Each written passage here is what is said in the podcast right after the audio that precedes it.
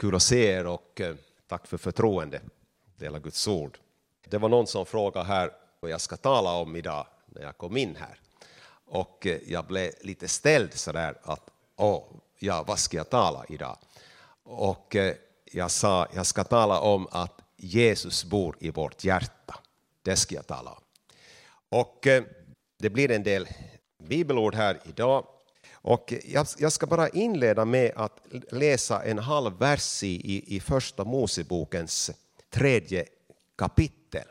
Och eh, då står det så här att vid kvällsbrisen hörde det Herren Gud vandra i lustgården.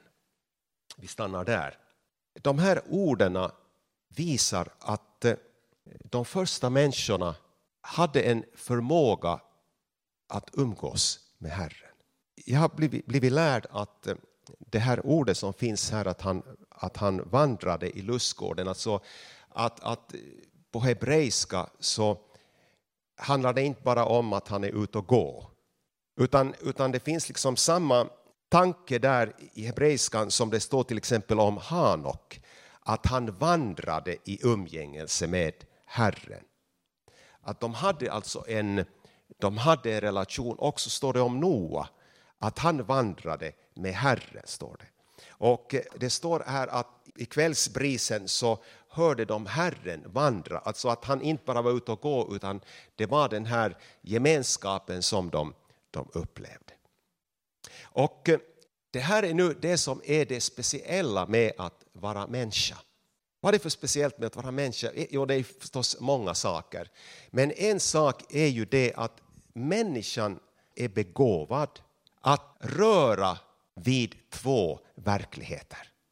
Vi är alla fysiska, vi kan ta på varandra, vi kan se med våra fysiska ögon och vi har våra sinnen, vad det är fem sinnen, det är syn och det är hörsel och det är doft och det är smak, det är känsel. Klarar jag det? Okej. Okay. Och eh, genom de här sinnena så är vi medvetna om den, den här verkligheten, inte sant? Och skulle vi inte ha de här sinnena, då skulle vi inte vara medvetna. Vi skulle inte ha någon känsel, ingen syn, ingen doft och så vidare. Så, vidare. så skulle vi inte veta om den här sidan. Men det som är då speciellt med människan, det är då att på samma sätt som vi har en kontakt med den här synliga världen, den här fysiska världen, så kan vi också alltså ha en kontakt och en, en relation till den andliga världen. Och vi kan också ha en, en gemenskap med den andliga världen. Och eh, det orsaken till det här, det är ju det att människan är inte bara kropp, utan hon är också ande. Inte sant? Sen är vi ju själ också, men det är ju det som allt kopplas ihop sen, men det tar vi en annan gång. Men vi är alltså, det som är speciellt med att vara människa, det är att vi är kropp och vi har kontakt med den här världen, men vi är också ande och kan ha kontakt med en andlig verklighet. Det som ju hände när, när människan föll i, i synd. Och det var att eh, den här människans ande, det är alltså den sidan av människan som vandrar med Gud i kvällsprisen. Den här sidan, på, om, om jag tänkte faktiskt, jag skulle vilja ha ett, haft ett bord här kanske och, eh, och eh, kanske haft vårt fysiska verklighet som en, en vas här kanske och, och vår ande som en, ett ljus här. Och skulle jag ha haft det nu, då skulle jag ha släckt det där ljuset som symboliserar vår ande. Och eh, det som hände det var att vi blev, vi blev i, på den här sidan, andliga sidan, så blev vi mörker. Det står ni var mörker. Och eh, det gjorde ju att, eh, att människan, det, liksom, det var en verklighet som människan förlorade. Om den här sidan nu är den fysiska verkligheten, Ska vi komma, är, ni, är vi överens? Okay? Så är den här den andliga verkligheten. Och när, när hennes ande blev mörk, kan vi säga så, för det, det tror jag är ganska bibliskt att säga. då förlorar hon den här verkligheten. Och det som hände det var att den här verkligheten var den enda som fanns kvar på ett sätt. Och hur, hur går det nu till? Jo, det går till på det sättet att om någonting försvinner, då tenderar någonting annat att ta över. Är det inte så? Så det som hände med människan det var att det fysiska, det jordiska, det synliska, cyniska, inte, inte cyniska, men synliga, det tog över alltsammans. Paulus han ber till exempel till eh, för Efesierna så ber han att deras hjärta hjärtans ögon, alltså den, deras andes ögon ska öppnas. Så vi har ögon här och vi har ögon här. Vi har hörsel här och vi har hörsel där. Så han ber, och han bad inte att gode Gud nu ber jag att deras, de här ögonen ska öppnas så att de förstår. Utan han ber Gud öppna deras hjärtans ögon så att de ser. Efesierbrevet 1 och 16 tror jag. Det. som hände här det var att när den här biten slocknade i människan då tar den här biten över. Om man tänker, ja man, människan har bara två ögon och det är de här. Människan har bara två öron och det är de här. Den här liksom sidan hos människan gick förlorad. Den här sidan av människan liksom tappar man. Och har ni hört om att det finns ateister? Okay? Det finns i varje fall. Och det har då att göra, det, det är liksom ingenting att skratta åt, det är ingenting att se ner på, utan det är en ganska naturlig sak. Att om det enda man har kvar, det är den här sidan, då är det det enda man ser. Och när den här sidan är mörk, då är man inte medveten om att det finns en annan verklighet. Och eh, det är därför som Jesus säger till, till, till Nikodemus att sannerligen, sannerligen säger jag dig, om en människa inte blir född på nytt så kan hon inte se Guds rike. Det finns en verklighet som en människa inte kan se om inte den här sidan av henne igen får liv. Amen. Och det hjälper inte att stå här och grubbla hela natten. Finns Gud, finns Gud, finns Gud. Utan det som behöver hända det är att man blir född på nytt. Att den här sidan får liv. Ni var mörker men nu är ni ljus i Herren, skriver han i Efesierbrevet 5.8. Och när den här sidan får liv plötsligt öppnar sig en helt ny verklighet. Ah, Gud finns. Hur kunde jag tro att Gud inte finns? Nåja, nu är det så här att eh, om jag tror att den här sidan, vad är nu den här sidan? Är det någon som kommer ihåg vad den här sidan är? Den synliga sidan, fysiska sidan. Om jag tror att det här är den enda sidan som finns, då, då blir det också en självklar sak att den här sidan ska fylla alla mina behov. Inte sant? Vad det än gäller så, mm, vi liksom, det, det här är det enda som finns och då är det här som ska fylla mina behov. Och jag funderar bara på vad jag har och vad jag inte har och så vidare. Och så vidare, och så vidare. Och också fast man blir, blir ett Guds barn så tenderar man ju att, liksom, det står ju om att sinnets förnyelse. Okay? Så man tenderar ju liksom att på ett sätt leva kvar lite i den här världen och man, börjar, man tänker fortfarande så, jo jag, jag är ju Guds barn, jo, jo jag är Guds barn. Men, men så är man, liksom, man lever här och, och tänker vad har jag, vad kan jag, vad förmår jag och så vidare. Och det liksom är, är det som gäller.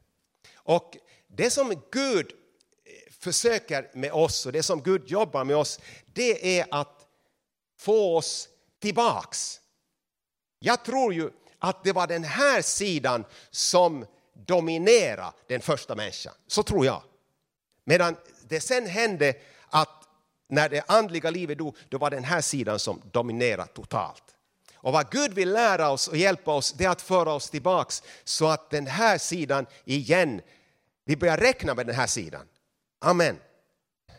Det står i femte Moseboken 8. Och eh, jag citerar så här fritt nu och ni får läsa noggrant hemma. Där står det om när Gud förde Israels barn ut ur Egypten. De var ju inte pånyttfödda, men det var ändå ett, ett tänk som Gud jobbar med. Och då står det så här att eh, han förde dem ut och så låter han dem hungra, står det. Hur kan han göra så här? Och kommer ni ihåg att han, de ibland sa, åh, vi har inget vatten, vi har ingen mat, vi har liksom och, och det som händer här, det är liksom att de lever, de lever totalt i den här sidan. Och vad Gud gör, det är att han låter de här resurserna på den här sidan bara ta slut. Varför? För att lära dem att människan lever inte bara av bröd, utan av varje ord som utgår ur Herrens mun. Halleluja!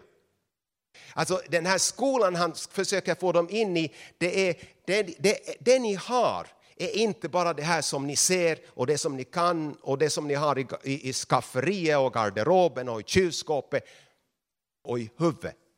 Utan nu vill jag lära er att människan lever inte bara av bröd, av det här, utan av varje ord som utgår ur Herrens mun. Det är på den här sidan som vi vet och som vi kan och som vi allt möjligt. Men Bibeln säger med hjärtat tror man. Amen. Med huvudet vet man, men med hjärtat tror man. Och vi kan, hur, hur, vad är tro? Tro det är ju att, att ett ord når vårt hjärta.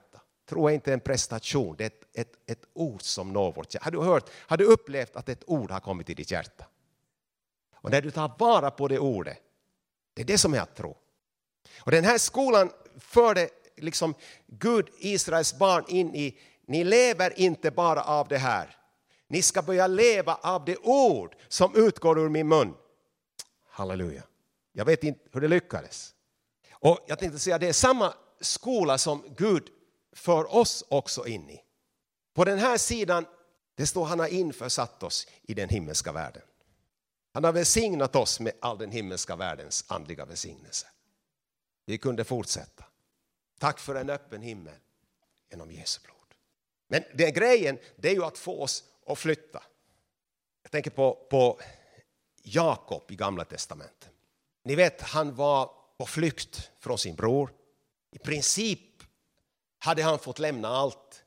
Och eh, hela hans situation speglas ungefär av när han, när han hittar en slät sten och lägger den där och så har han den som dyna. Man liksom tänker, kan det bli värre? Kan det bli värre? Men ni vet, den där natten så har han en dröm. Och vet ni vad han drömmer? Han drömmer att himlen är öppen över honom. Han ser en stege som räcker ända in i himlen och änglar som går upp och ner på den här stegen. Och han hör Gud tala till honom, jag är med dig och jag ska välsigna dig och jag ska föra dig tillbaks. Jag vet inte allt vad Gud talar till honom om. Där ligger han på den här sidan med huvudet på en sten. Han vaknar upp från den där drömmen och så säger han sannerligen Gud bor på den här platsen och jag visste det inte. Och jag tänkte säga, det är precis så som det är med oss. Vi finns här. Och vi bara tänker på vad vi kan och vad vi inte kan, vad vi har och vad vi inte har. Och Gud vill ge oss en dröm så vi kan säga himlen är öppen. Gud bor på den här platsen. Gud bor i mitt liv. Tack Jesus. Det berättas, Paulus han diskuterar ju den här frågan en hel del och till exempel i andra Korinthierbrevet 1 så berättar Paulus att eh, han säger så här ungefär att, att vi har varit i stor nöd och vi har liksom fått en dödsdom över oss.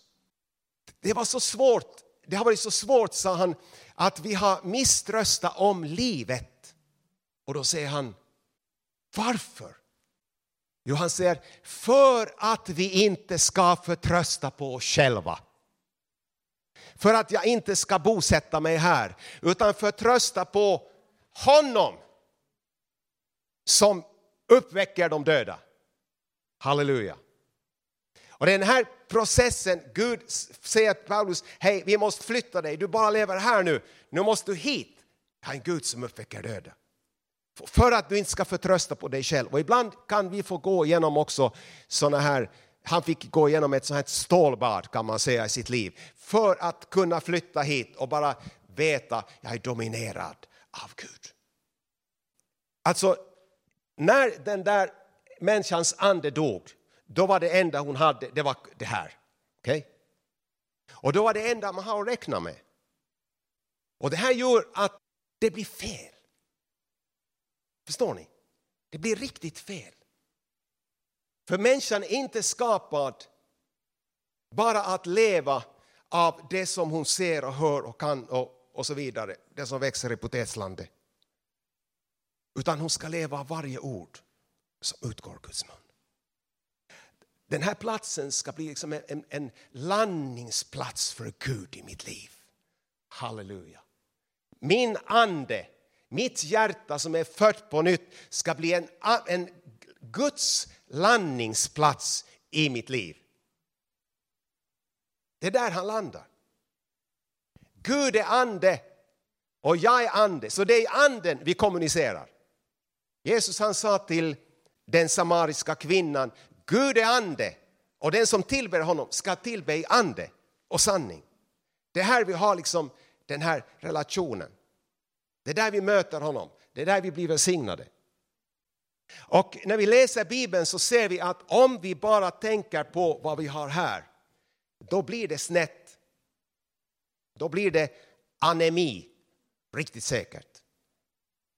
För väldigt mycket av det som människan behöver finns inte att hämta här, det finns att hämta här. Vi, vi kunde ta olika exempel, men ska vi ta ett exempel liv? Vad är liv? Jag har ätit morgongröt idag. Det är väl liv. Och sen B-vitaminerna förstås. Och D-vitaminer, det ska vara 50 milligram antagligen för att det ska ha någon verkan. Liv. Grönsaker. Glöm inte grönsakerna. Liv. Men är det liksom... När vi läser den här boken som heter Bibeln så vet vi att Jesus han säger i Johannes tionde kapitel Alltså vad han gör det är att han bara drar oss hit och så säger han Jag har kommit för att ni ska ha liv. Så liv är inte bara någonting, nu, nu kan jag inte de där orden så nu får ni skratta men det måste man bjuda på, på i varje predikan, någonting liksom, heter det, nej jag ska inte säga det, men no, någonting sånt här liksom, som finns där, utan liv är också en, har en andlig substans. Amen. Liv är mer än B-vitaminer. Livet är en andlig substans. Jag har haft ganska mycket begravningar i mina liv, från Pärno till Kimito via Hangö. Och jag har tappat räkningarna för tiden sedan. Och för mig blir det liksom en, också en fråga när man har begravningar väldigt mycket, att gör det någonting med mig? Och för mig har det blivit viktigt att liksom förstå det här. Vad, är, vad handlar det om? Det handlar om avsked. Det handlar om att mista. Det handlar om att någon inte längre är här. Och det betyder sorg, det betyder saknad.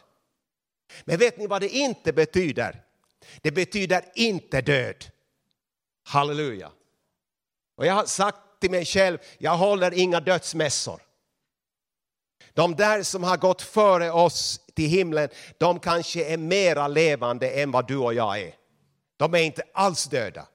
Det betyder inte att vi inte sörjer, att vi inte gråter, men vi tror inte. Jesus han sa, den som tror på mig, han skall leva om han än dör. Liv är mer än, än grönsaker. Livet och liksom det finns människor som idag nästan söker evigt liv i att leva rätt. Jag började på gym när jag blev pensionerad och lite liksom kärv och simhall och sådana här jottor. Gå runt molnträsk och sådana där saker. Men liv är mer. Liv är en andlig substans. Allt som hör till liv och Guds fruktan har hans gudomliga makt skänkt oss. Vi kan bara skulle kunna citera Men Guds fruktan är på allt sätt nyttig eftersom den har löfte om liv. Både för den här tiden och den tillkommande. Vi skulle kunna fortsätta men, men tiden går. Men det finns liksom område efter område. Så skall Guds frid. Vems frid? Guds frid. Frid är inte någonting som man bara kan, kan liksom laborera med här. Hur ska vi få frid? Frid är också en andlig substans. Guds frid. Kärlek. Vad är det? Vi ska, det måste vi ta. Fesebrevet 3. 3 och eh, 14. Därför börjar jag mina knän för Fadern, han från vilken allt vad Fader heter i himlen och på jorden har sitt namn. Jag ber att han i sin härlighetsrikedom ska ge kraft och styrka åt er inre människa genom sin ande. Lyssna, och att Kristus genom tron ska bo, var? I huvudet, i era hjärtan. Och vad händer när Kristus bor i våra hjärtan? Och ni ska bli rotade och grundade i kärleken. Ni ska då tillsammans med alla de heliga kunna förstå vad som är bredden och längden och höjden och djupet och lära känna Kristi kärlek som går långt utöver vad någon kan förstå. Kärlek är inte som löpsedlarna ropar ut. Kärlek är en andlig substans. Frid är en andlig substans. Halleluja. Glädje. Tänk att det står i Petrus brev om att vi får jubla i en outsäglig jordisk glädje. Står det så? Himmelsk glädje, alltså, himmelsk, alltså det är en andlig Glädje är inte bara någonting att du har fått en ny bil om två veckor så har du liksom, kan du inte vara glad längre. Det finns en himmelsk glädje genom den helige ande och den landar i din ande, den landar i ditt hjärta. Ditt hjärta är himlens landningsplats på den här jorden. En himmelsk glädje. Nu skulle vi kanske kunna fortsätta tillsammans här en timme till och bara visa liksom hur mycket av det som är människa är tänkt att landa på den här sidan. Tänkt att landa i vår ande. Att det är tänkt att vår inre människa, vårt hjärta, skulle dominera. Vågar jag säga det? Ja. Det står så här i, i Lukas evangeliets 1 och 80. Där berättas det om eh, Johannes döparen. Det står så här, Lukas 1 och 80. Och barnet, nu måste jag komma hit på den här sidan när jag ser det. Barnet blev starkare i anden. Står det. Lukas 1. Barnet växte upp och blev starkare i anden. Det här är en, en intressant tanke att Johannes växer upp och han blir starkare på den här sidan. Det är här han blir stark. Och eh, man kan tänka så här, aj gode Gud, vad ska det bli med pojken? Men ett faktum är att eh, det kommer en dag när Johannes berör ett helt land. Det kommer en dag när publikanerna som ingen får ordning på kommer ut till honom och säger, vad ska vi göra? Det kommer en resning och en auktoritet. Auktoritet är en andlig grej. Auktoritet, man kan ju ha auktoritet här och stå och skrika. Men auktoritet är ju en andlig substans. När armén, generalerna kommer ut till honom och säger hej vi skulle vilja dricka kaffe. Vi behöver råd. Hur ska vi göra? När hela folket kommer ut till honom, han blev, varför? Han blev starkare i anden. Det som jag skulle vilja säga så här, nu kommer jag att ge utmaningen. Okay. Och det var det att Johannes blev inte stark i anden, alltså den här sidan blev inte stark i hans liv av en händelse. Den blev inte, han blev inte stark i anden bara för att han hade en kallelse från Gud. Eller den blev inte stark för att han ville att den skulle bli stark. Utan orsaken till att han blev stark i anden, det var att han gjorde kvalitetsbeslut i sitt liv som kanske ingen förstod. Nu menar jag inte att du ska bli, göra precis som Johannes, men jag menar att vi behöver lära oss av Johannes. Och om vi inte gör det så kommer vi inte att bli starka i anden. Vi blir inte starka i anden för att jag står här och säger, åh Gud, jag vill bli stark i anden. Han gjorde, livs, liksom, han gjorde beslut i sitt liv, kvalitetsbeslut. Det fanns saker och ting i hans samtid som han kände, det här, det här är liksom kontaminerat av mörker, av synden, av djävulen. Och jag tänker inte ta del i det. Han avskiljer sig från världen, han helgar sig. Och det står att han vistades i öde trakter fram till den dag då han skulle träda fram för Israel. Stackars föräldrar. Det var inte roligt att vara mamma och pappa åt Johannes. Var är pojken? Men i den här processen där han alltså skapar genom konkreta livsval skapar utrymme för den här sidan så växer den här sidan. Det lät inte andligt, det är det inte heller. Alltså det som växer i ditt liv, blir, tänker du bli bra på att skida, då måste du ge liksom plats åt, åt att skida. Du blir liksom inte bra för att skida för att du sitter och ser på TV på alla skidtävlingar. Utan du skapar ett utrymme i ditt liv för skidning. Och det som Johannes gjorde, det är att han skapar utrymme för sin ande, för sin inre människa. Den, nu tar du plats här. Jag har sagt det att också om vår människa, inre människa, vår ande har blivit född på nytt så finns det en chans att den sitter inklämd i en kinesisk sko. Vet ni vad en kinesisk sko är? Och den bara längtar att komma ut ur den där kinesiska skon, få plats, få utrymme, möjlighet att växa, möjlighet att börja dominera. Och det här är liksom ett val som han gjorde någon morgon eller någon nyårsafton eller någon söndag förmiddag. Någon gång gjorde han det här valet och bestämde sig för min ande måste få plats. Min ande måste få utrymme och jag kommer att göra livsval som, som ger den här, min ande möjlighet att växa. Och en dag så kan man skriva barnet växte upp och blev starkare i anden. Jag tror att den här, vad den här världen väntar på, det som Israel den här tiden väntar på, det var någon som hade gett rum för sin ande att bli stark i anden.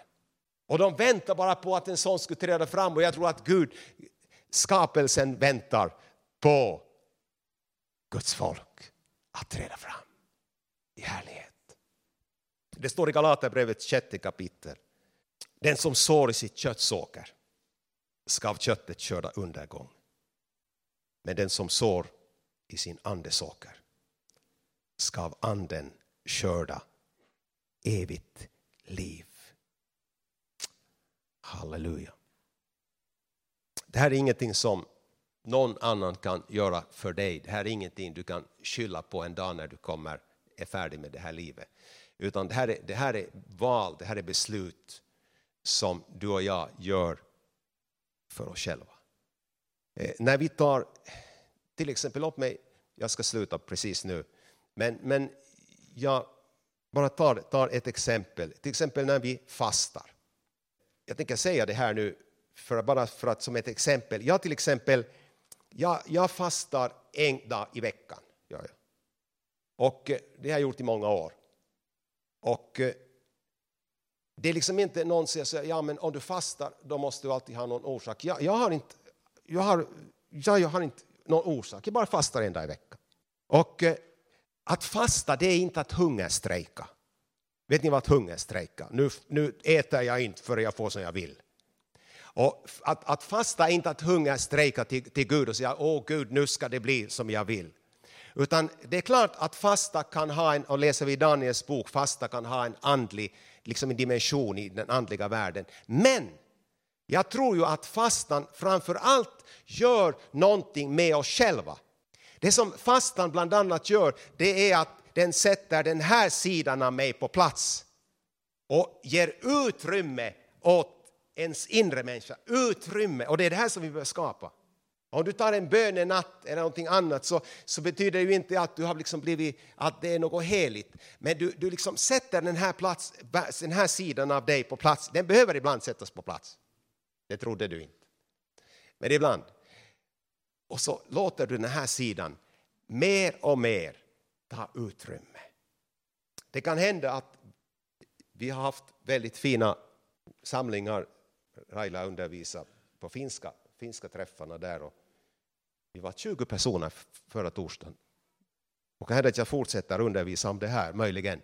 Men jag ska stanna här. Men, men hoppas du har fått någon tanke nu i, i det här att, att det är den här sidan som behöver liksom ta, ta mark, eller ta, få utrymme i ditt liv så att inte de här bitarna där dominerar dig. Det är det enda du tänker, det är det enda du talar, det är det enda du funderar på, det enda och så vidare. Utan den här sidan börjar mer och mer dominera och få utrymme i ditt liv. Okej, okay. tack ska ni ha. Det har lyssnat. Gud välsigne dig. Herre, vi prisar dig för att, att vi bara fått uppleva att himlen är öppen. Herre, vi prisar dig för att det finns i varenda och en av oss en landningsplats för den helige Ande. En landningsplats för Kristi ord som är mäktigt. Herre, vi prisar dig för att du har fött oss på nytt i ett levande hopp. Och nu ber vi om att du ska öppna våra hjärtans ögon så att vi ser. Halleluja, våra hjärtans ögon, våra hjärtans öron. Herre, vi prisar dig Tack att vi får ha möjlighet att ha, se den här världen, njuta av den här, den här jorden som du har skapat oss i. Men tack att vi också har möjlighet att ha en relation till den himmelska världen. Att vi också får vara insatt i den himmelska världen och vi ber om att den sidan av oss ska få större plats, få större utrymme, ska få större dominans i våra liv. Välsigna oss till det här i Jesu namn. Amen. Amen.